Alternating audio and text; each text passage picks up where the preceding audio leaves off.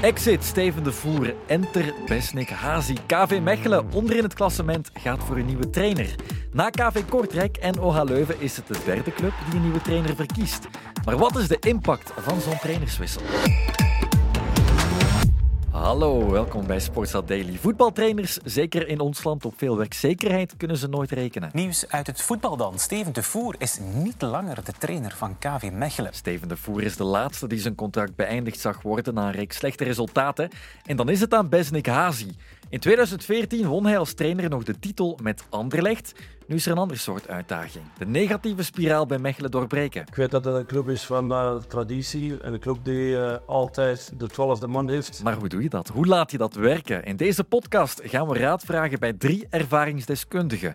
Twee coaches en het nummer 23 in de lijst van spelers met de meeste wedstrijden in de Jupiler Pro League. Sport. Frankie Dury keert terug als trainer van Zulte Waregem en stapt op bij de Voetbalbond. Dury was beloftecoach en zou op 1 januari ook technisch directeur worden bij de bond. Maar hij koos dus opnieuw voor Zulte Waregem, de club waar hij in het verleden al jarenlang trainer was. Zulte Waregem staat momenteel pas 14e. Amper twee wedstrijden had Zulte Waregem net voor nieuwjaar 2012 kunnen winnen.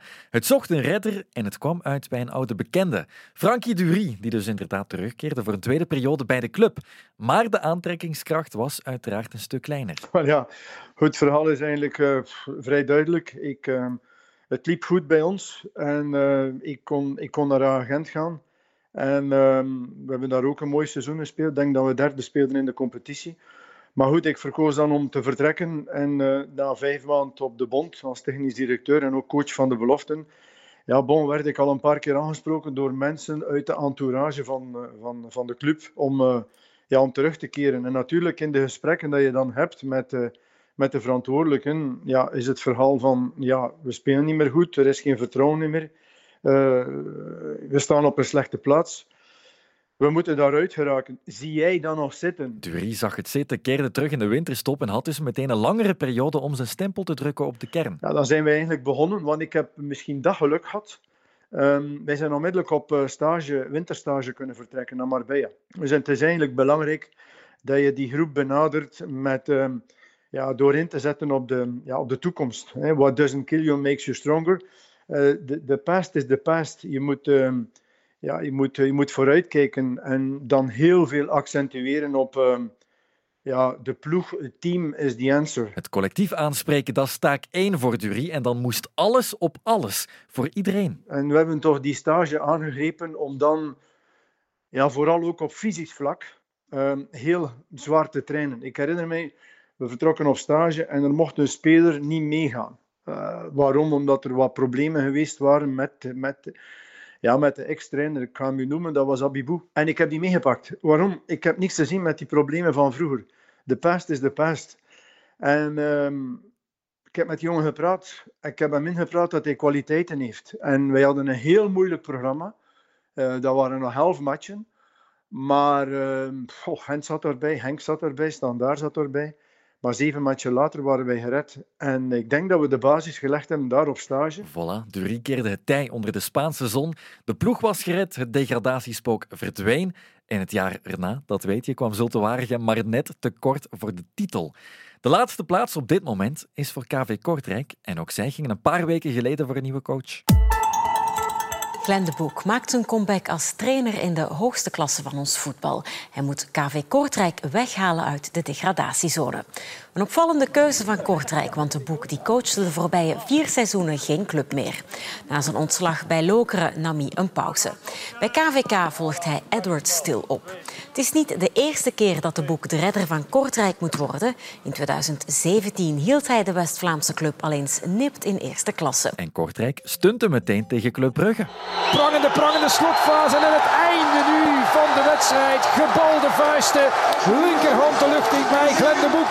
Want KV Kortrijk heeft het voor elkaar. 1-0, een gouden driepunter in de strijd en met behoud. Is dat dan het effect dat alleen een nieuwe coach kan brengen? Iemand die de spelers meteen willen overtuigen. De net ontslagen coach, Edward Stil, denkt er zelf even over na. Misschien, misschien.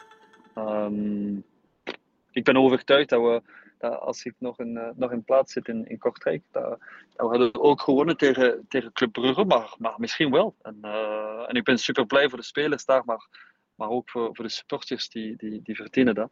Dus nee, misschien wel. Ze hebben dat heel goed gedaan op, op de counter. en, en een beetje luk gehad op, op sleutelmomenten van de wedstrijd. Die, die, die penalty was, was gemist. Dus, uh, dus misschien wel. Maar KV Kortrijk en Glenn de Boek winnen. En je hoort het, Stil zit in de auto. Hij is op weg naar Londen voor de wedstrijd tussen West Ham en Olympiakos in de Europa League. De volledige familie Stil is namelijk fan van de Hammers. En het is dus niet om meteen voor de job te gaan solliciteren daar. dat zal ik niet zeggen. Maar Stil baalt wel nog van zijn ontslag bij KVK. In extra time had Filip Joos het er ook nog over. Iemand die altijd ook, vond ik, heel positief was voor zijn spelers, tegen de refs. Voor nooit op dat vlak negatief is de eerste trainer die ontslagen is dit seizoen. Edward Stil bij, bij KV Kortrijk, wat op dit moment ja, een beetje de Far West is. Hè. Eh, een club uh, die helemaal in het ongewisse verkeert over toekomst, over... Persoonlijk eh, jammer. Jammer, vindt Jos. En ook Stil had graag meer tijd gekregen. Jammer, zeker. Ja, 100 procent. Uh, en ik, ben, ik wil die, die, die positieve voetbal spelen altijd. En, uh, maar dat, dat neemt een beetje meer tijd, misschien, dan, dan een andere soort voetbal. Um, en we, hebben, ja, we, we hadden niet, niet veel luk gehad in die, die, die eerste wedstrijden van het seizoen. Uh, de situatie was ook super moeilijk en ik, en ik heb dat misschien onderschat. Uh, de, de, de, situatie rond de club en de, de onzekerheid. Uh, tijdens de, de zomer, iedereen buiten de club heeft dat, heeft dat gezien. nee, dat was makkelijk voor, voor niemand. voor de spelers, voor de staf, voor, de sporters. En het is dus ook normaal dat de resultaten in de, waren niet direct top uh, of, of, of, ja, maar ik, ik ben ook uh, eerlijk genoeg om te zeggen dat, dat de resultaten waren niet goed genoeg. Uh, maar ik was overtuigd dat in tijd, na 20 en 25 wedstrijden, komt dat goed. En, en, ik was overtuigd dat we rond de, de, de tiende of elfde positie kunnen de, de, de seizoen eindigen. Dus ja, jammer, maar en, en nog een extra ervaring voor mij. En, uh, en ik, ik, wens gewoon positieve dingen nu en, uh, en Kortrijk en de, de spelersgroep en de, de sporters. Stil is op zijn 32e, jonge coach dus overtuigd dat een aanpak op lange termijn betere resultaten zou opleveren voor een voetbalclub. Ook voor een club in degradatiegevaar. Het hangt af van de club, het hangt af van de, van de situatie. Ik ben overtuigd dat uh, meer su succes komt van stabiliteit, 100 procent.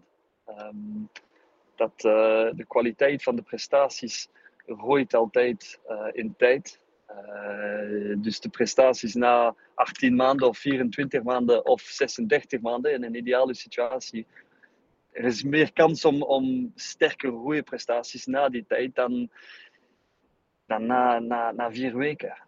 Misschien kan die emotionele reactie binnen een ploeg, dat kan een effect hebben, dat, dat, zeker. Maar wisselen om te wisselen want de resultaten slecht zijn in het moment, dan, ja, dan, ik ben niet overtuigd uh, over dat. Ik, uh, ik, ik denk dat een club moet misschien wisselen als de prestaties niet goed genoeg zijn en de, de, de resultaten zijn niet goed. Maar stabiliteit is een beter, um, een beter richting dan, dan, dan altijd zo snel wisselen. En toch trekken clubs vaak misschien wat prematuur aan de noodrem in dat geval. Kilian. Kilian Overmeijer weet het als geen ander. Hij speelde 438 wedstrijden voor Lokeren in eerste klasse. En dan raak je de tel wel eens kwijt als het over je aantal trainers gaat. Uh, ik weet het niet van buiten, maar als ik een keer kijk op Wikipedia, zijn er dat wel vrij veel.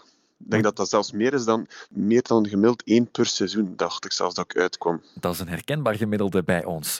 Welke trainer maakte bij zijn intrede de grootste impact bij Lokeren voor Overmeijer? Ik weet dat, dat bijvoorbeeld dat het een aantal keer is gebeurd dat ik drie trainers heb gehad op, op één seizoen. Uh, en dan weet je dat dat echt, echt niet goed is. Uh, maar de beste trainerswissel die ik heb gehad was onder Peter Maas. En die zei: We gaan alles veranderen, alles gaat weer goed worden. Dan denk je: ja, Daar geloof je niet veel van. Maar dat was toen wel effectief waar, want toen zijn we echt de weg naar, naar boven begonnen met play-off 1, twee keer de beker uh, van België te winnen, um, Europa League. Dus dat was wel de beste trainerswissel ooit. Voilà, de iconische kapitein van Lokeren kan dat zeggen, maar dat willen wij ook weten. waarom lukt het niet voor sommige nieuwe trainers? je hebt altijd trainers die, die vol goede moed ehm, beginnen en, en ook een eigen visie hebben, maar dat jammer genoeg niet altijd ja, goed uitdraait of niet altijd pakt binnen, binnen, uh, binnen een groep. En het heeft nu ook geen zin. Ik heb er ook wel een paar meegemaakt, maar het heeft nu geen enkel zin om, om, om mijn namen uh, te gooien en zeggen van die of die of die persoon. Ja, dat, dat, gebeurt, dat gebeurt soms ook. Uh, ja, je hebt ook altijd trainers die dan soms kritiek durven uiten op een vorige trainer en zegt van ja, maar mijn spelers zijn fysiek niet in orde en dingen. Dat vind ik soms altijd wel wel overdreven en ja, dat, dat vind ik ook allee, dat dat niet echt pakt. Um, dus ja, ik heb, ik heb beide kanten gezien. Trainers die een enorme impact hebben op een, op een groep en echt, zeker ook als je daarvan onder staat, dan vind ik dat daar een trainer moet komen en die eigenlijk uitstraalt van kijk jongens, ik heb een plan, volg mij blindelings en het komt goed. Want dat vind ik ook heel belangrijk, want je zit met, ook met een ploeg die vol met twijfels zit, die ook ergens wat schrik bij hebben. Want geloof mij, als je daarvan onder zit, dan is het niet gemakkelijk, dan sluipt er heel veel twijfel in die, in die groep. En als je dan iemand voor je staan hebt die, die heel veel vertrouwen uitstraalt, die echt iets heeft van volg mij, blindelings, en dan komt het goed. dat wil echt heel veel zeggen. Dat gaat echt een groot impact volgens mij hebben op een, eh, op een groep. Peter Maas kon dat toen wel. Van Frankie Dury hoorden we daarnet al dat hard werken aan het groepsgevoel en de fysieke paraatheid op stage in Spanje zijn team vooruit duwde. En de twijfels, die moet de coach wegnemen, zegt Overmeijer dus. En Dury gaat akkoord. Een ploeg heeft niet veel nodig om, um, om terug het geloof te hebben. Een ploeg heeft niet veel nodig. Het zijn allemaal mensen waar je mee werkt. En het zijn allemaal voetballers. En iedere voetballer die wil winnen. Laat, laat ons daar niet te veel over discussiëren. Ik heb nog nooit met een voetballer gewerkt die de zondag op het, op het veld stapte om niet te winnen. Dus ze willen allemaal winnen. Alleen moeten ze, ja, moet, je die, moet je die spelersgroep, moet je die speler individueel zodanig coachen, inpraten, dat het, uh, ja, dat het mogelijk is. En ook de ex-coach van Zulte Waregem was een aandachtige kijker bij de stuntzege van Kortrijk tegen Club Brugge. Ik heb de match Kortrijk-Club Brugge gezien. Club Brugge heeft 70 eh, meter, 70 procent van het terrein hebben ze gekregen van, van, van Kortrijk. Voilà. Doe je maar, speel je maar lateraal, doe maar wat je wil. Je hebt 65 of 70 procent ook balbezit, doe maar. En Kortrijk heeft gewoon op die omschakeling, op dat ene foutje, op die ruimte in de rug van de verdediging gespeculeerd. En zij scoren 1-0. Voilà. Dus je moet je ploeg ook overtuigen dat het, uh, ze, hebben, ze hebben een beetje minder vertrouwen. Dus een beetje minder vertrouwen, dat betekent gemakkelijk doelpunten pakken en moeilijk doelpunten scoren. Mijn visie is ook altijd geweest, als je niet kunt winnen, dan moet je zorgen dat je niet verliest. Dus installeer eerst een goede, een goede organisatie in balverlies. En, en stilaan kun je een herkenbaar patroon installeren die je en punten zal opbrengen en die je ook vertrouwen zal geven. Maar ik denk dat dat heel belangrijk is. Je moet niet toekomen in een nieuwe club of in een nieuwe ploeg en zeggen, kom on, we gaan, uh, we gaan dat allemaal achter ons laten, we gaan hier, uh, we gaan hier super offensief spelen. Nee, ik denk dat het vertrouwen zal groeien met punt per punt, match per match, moment per moment. Voilà, nieuwe coaches moeten het herkenbaar en simpel houden. Daar is Edward Stil het ook mee eens. Vorig jaar nam hij ook over van Bernd Stork bij Eupen, toen ook in degradatiegevaar. Daar moest hij dan de man met het shock-effect zijn.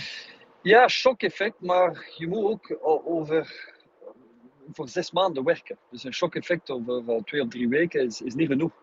Uh, er was ook die, die, die, die situatie van de, van de WK vorig seizoen. Dus er waren uh, drie weken. Ik had drie volledige weken van, van training. dus dat was een, dat was een voordeel op dit moment. En, en, nee, super positief blijven. realistisch zijn over de, de, de, problemen misschien van de, de, de ploeg. Maar meer spreken over de, de, de kwaliteiten van de ploeg en hoe we willen de, de wedstrijden winnen. Uh, dan over de problemen spreken. En, uh, dus ja, realistisch, maar super positief. Uh, op, elke, op elke training, in de individu individuele gesprekken en de collectieve gesprekken natuurlijk. En dan ook, en dat is ook super belangrijk, samen met die positiviteit, is, is simpel blijven. het is makkelijk om ja, een nieuwe ploeg te, te nemen en dan overdreven met nieuwe principes of nieuwe, uh, nieuwe oefeningen op trainingen. Nee, alles super simpel houden. Om, ja, om, een, om een vertrouwen te kunnen uh, terugvinden in, uh, in de ploeg. En dan is er ook nog de goede raad vanuit het perspectief van de speler van Kilian Overmeijer. Gewoon eerlijk zijn. Gewoon eerlijk en oprecht zijn. Want de spelers hebben dat, hebben dat, hebben dat heel snel door. Uh, of het nu positief of negatief is, gewoon eerlijk zijn, directe communicatie, eerlijke communicatie. En dat gaat, dat gaat het beste zijn. Ook iedereen, iedereen belangrijk doen voelen binnen de groep. Ook al val je even naast de ploeg of ben je op dat moment invaller. Maak iedereen belangrijk in je verhaal. Neem iedereen daarin mee en dan ga je heel veel terugkrijgen. Voilà, Besnik Hazi weet nu wat te doen. Vertrouwen en eerlijkheid zijn de sleutelwoorden. Alles simpel houden is de boodschap. Aan Besnik Hazi om die theorie bij KV Mechelen uit te testen. Tot morgen voor de laatste Sportstad Daily van de week. Thank you.